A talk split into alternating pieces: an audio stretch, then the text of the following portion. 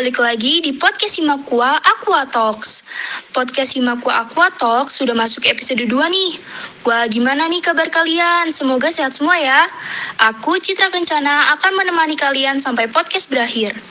Nah, jadi di podcast kita kali ini, kita masih membahas tentang kehidupan kampus dan menjawab pertanyaan-pertanyaan dari mahasiswa baru angkatan 2021.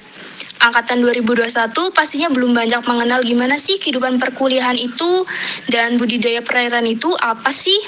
Semua pertanyaannya bakal dijawab oleh narasumber kita yang kece yaitu Kak Ferry. Boleh nih Kak Ferry, sapa dulu teman-teman budidaya perairan, sekalian memperkenalkan diri. Silakan Kak. Uh, baiklah, Assalamualaikum warahmatullahi wabarakatuh. Uh, sebelumnya terima kasih kepada teman-teman dari Brand Mahasiswa Fakultas UKI telah memberikan kesempatan dan telah mengundang kakak dalam acara Aqua Talk series kedua ya, episode kedua.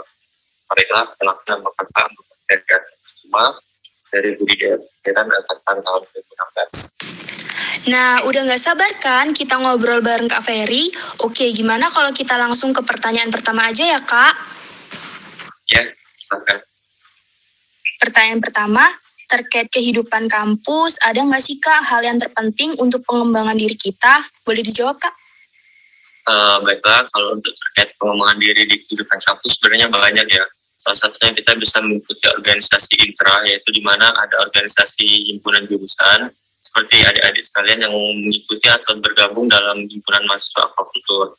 Selanjutnya juga kita bisa mengikuti organisasi skala fakultas, ini ada BEM fakultas atau DPM atau uh, organisasi-organisasi tingkat universitas juga DPM, DPO atau UMKM yang nantinya bisa mengembangkan potensi serta bakat yang ada pada diri adik-adik sekalian. Jadi kalau kuliah itu kita nggak mesti harus kuliah, pulang, belajar praktikum gitu enggak karena di dunia kampus kita bakal banyak menemukan sumber-sumber yang mampu meningkatkan potensi diri untuk mas uh, untuk ke depannya lagi gitu.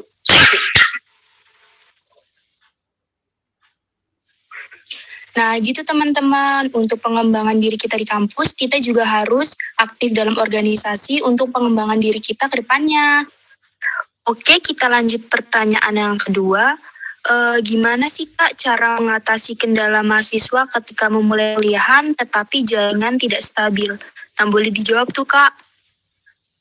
Uh, terkait kendala masalah jaringan ya, kita kan uh, kalian zaman kalian kuliah itu sudah mulai ya? Jadi kalau kakak untuk mensiasatinya ya, itu kalian bisa datang ke kampus memanfaatkan fasilitas wifi yang ada di kampus baik di fakultas atau di universitas. Karena setahu kakak di kampus itu kayak di jurusan itu sudah ada wifi-nya. Terus kayak di labor belakang itu juga sudah ada wifi-nya itu bisa kalian manfaatkan. Kalian di rumah yang notabene jarak ke kampus itu jauh atau beda daerah atau beda provinsi kalian bisa mempersiapkan dengan mencari jaringan yang lebih stabil. Sehingga nantinya pada saat proses perkuliahan itu tidak mengganggu proses belajar kalian ketika kuliah. Sehingga kalian bisa lebih jelas menangkap pembelajaran atau ilmu yang disampaikan oleh dosen tersebut.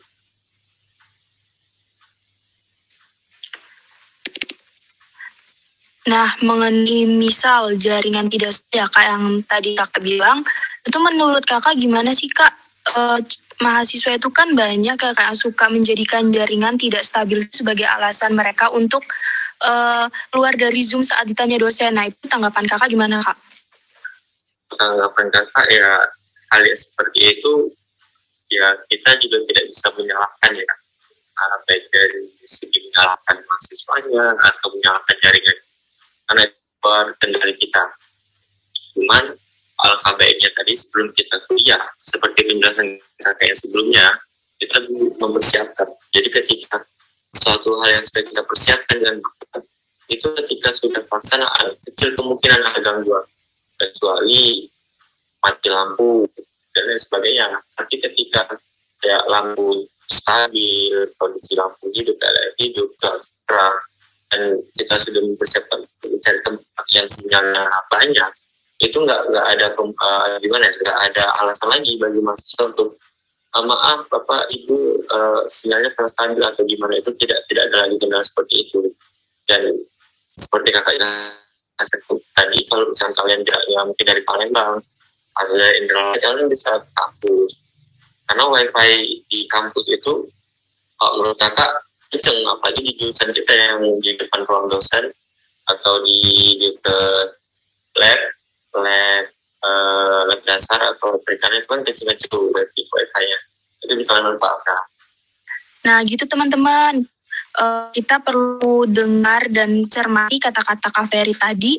Dan kita akan masuk pertanyaan ketiga uh, gimana sih Kak menurut Kakak tentang prospek pekerjaan lulusan aquakultur di masa depan?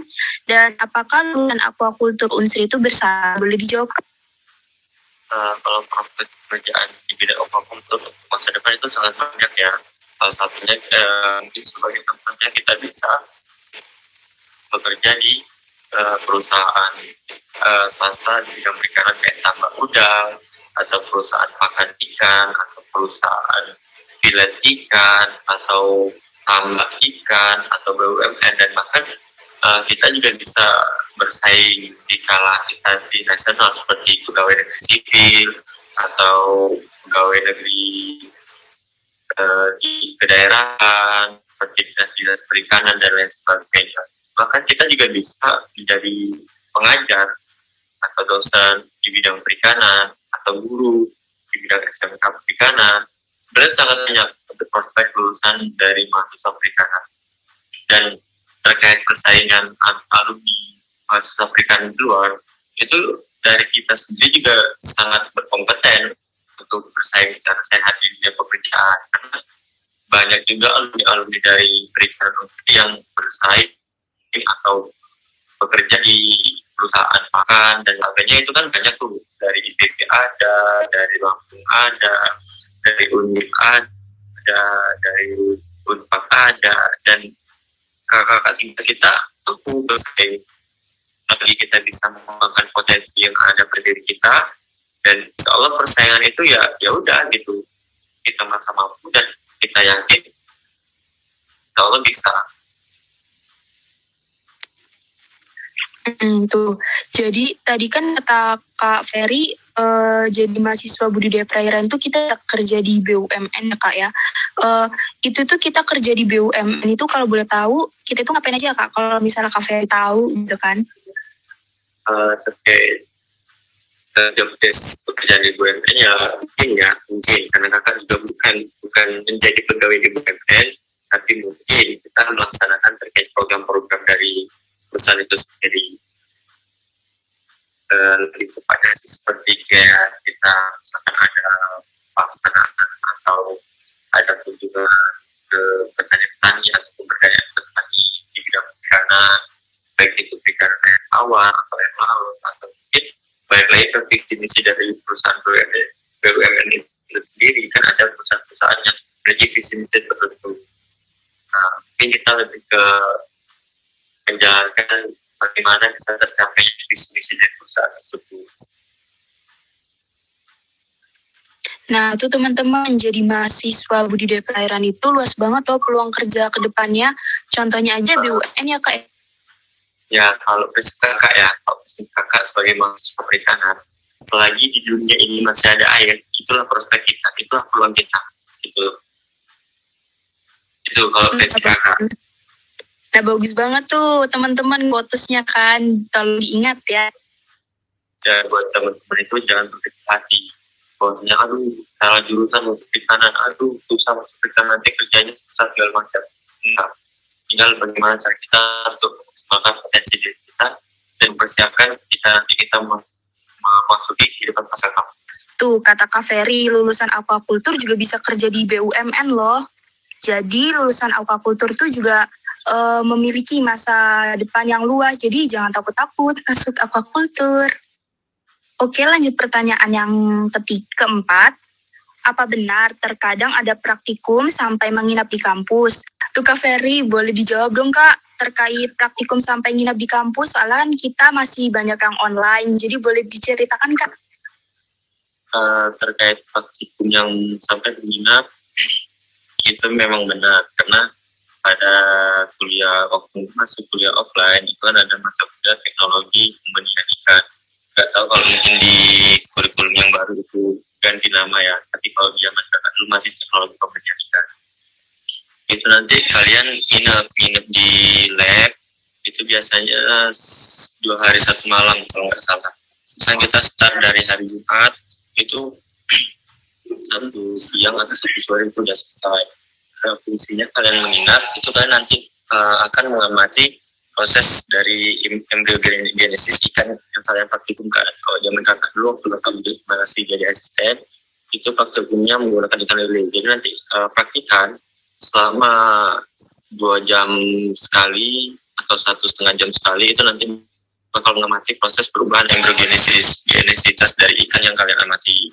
Dari mulai dia dari telur pembelahan sel pertama terus sampai dia menjadi larva. Dan itu kalau menurut kakak bisa menjadi salah satu pengalaman yang mungkin nanti setelah kalian lulus atau kalian masuk ke dunia kerja itu bakal bakal masih kalian ingat apalagi kalian kerjanya di perikanan. Katanya nanti bakal tetap wah dulu waktu praktikum pernah nih kayak gini nih ngirim-ngirim nih sama teman-teman gitu. Dan itu memang asik kakak akui itu praktikumnya sangat praktikum yang paling asik kalau di JDA wah seru banget ya kayaknya teman-teman. Dan kita juga harus mempersiapkan mental juga sih ya kak kayaknya. Uh, kalau mental sih sebenarnya nggak terlalu mungkin lebih ke penjelasan kepada orang tua ya. Bahwasanya biasanya ada orang tua yang mungkin kalian yang merantau atau dari jauh dari orang tua itu kan orang tua takut. Nanti gimana kalau malam ada apa pada anaknya mungkin nanti bisa kalian kasih penjelasan secara baik terus juga dibantu oleh asisten dan biasanya itu ada surat ada surat yang tertuju untuk orang tua bahwasanya memang benar ada kegiatan praktikum yang dilakukan di kampus sampai menginap. Oke, mantap Kak. Oke, masuk pertanyaan yang terakhir. Kak, apa yang tidak dapat dilupakan saat praktikum offline? Hal yang paling berkesan, apa sih Kak? Ceritain aja Kak, gimana? Jangan malu-malu, hehehe. Uh, uh, terkait praktikum offline ya, sebenarnya kalau zaman masih offline itu kalian bakal banyak melakukan praktikum ya. Terutama di semester-semester uh, semester 1 sampai semester 4 atau 5 itu bahkan semester 6 itu kan juga masih masih melakukan praktikum.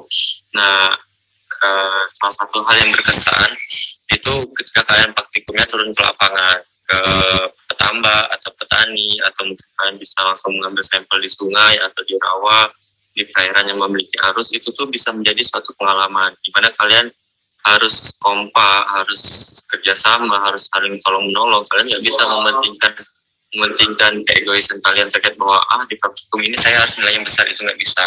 Dan di situlah kalian kalian bisa bisa gimana ya bisa menemukan kayak pembelajaran terkait kehidupan masyarakat di pesisir sungai atau kehidupan masyarakat uh, yang melakukan pekerjaan sebagai petani ikan terkait ilmu-ilmu dari petani yang mungkin kalian belum pernah kalian belum belum apa belum kalian dapatkan di kampus pengalaman-pengalaman petani itu nanti bakal kalian dapatkan. Dan itu seru. Kalau zaman kakak waktu itu eh, kami praktikum perikanan rawa ekologi rawa sama biodiversitas itu ke daerah Padamaran.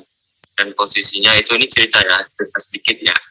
Dan posisinya itu kami ngambil sampel di perairan uh, rawa banjiran. Dan itu seru seru banget.